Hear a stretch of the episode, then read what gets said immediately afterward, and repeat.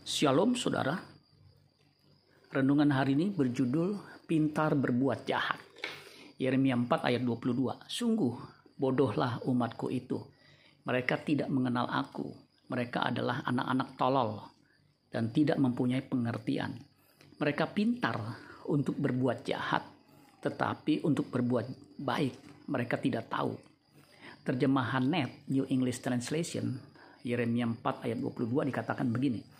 The Lord answer, This will happen because my people are foolish. They do not know me. They are like children who have no sense. They have no understanding. They are skilled at doing evil. They do not know how to do good. Orang menjadi begitu ahli dalam melakukan kejahatan karena sering melakukannya.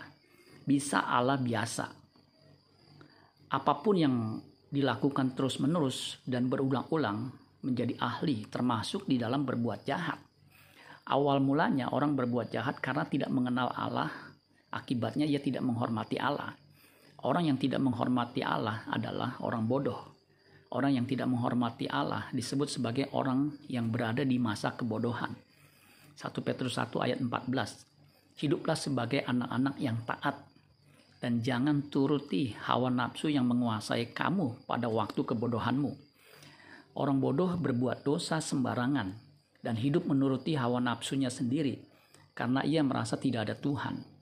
Ia akan terus berbuat jahat sampai akhirnya ahli dalam kejahatannya, sampai titik tidak bisa lagi diperbaiki. Point of no return. Hal ini persis seperti yang ditulis dalam Wahyu 22 ayat 11 Barang siapa yang berbuat jahat, biarlah ia terus berbuat jahat. Barang siapa yang cemar, biarlah ia terus cemar. Dan barang siapa yang benar, biarlah, biarlah ia terus berbuat kebenaran.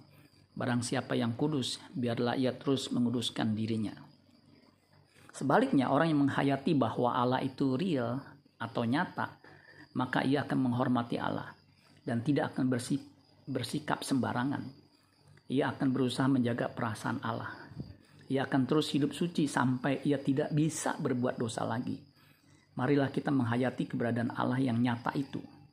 Ciri orang yang menghayati keberadaan Allah akan terlihat dari perilaku hidupnya. Amin buat firman Tuhan. Tuhan Yesus memberkati. Sola Gracia.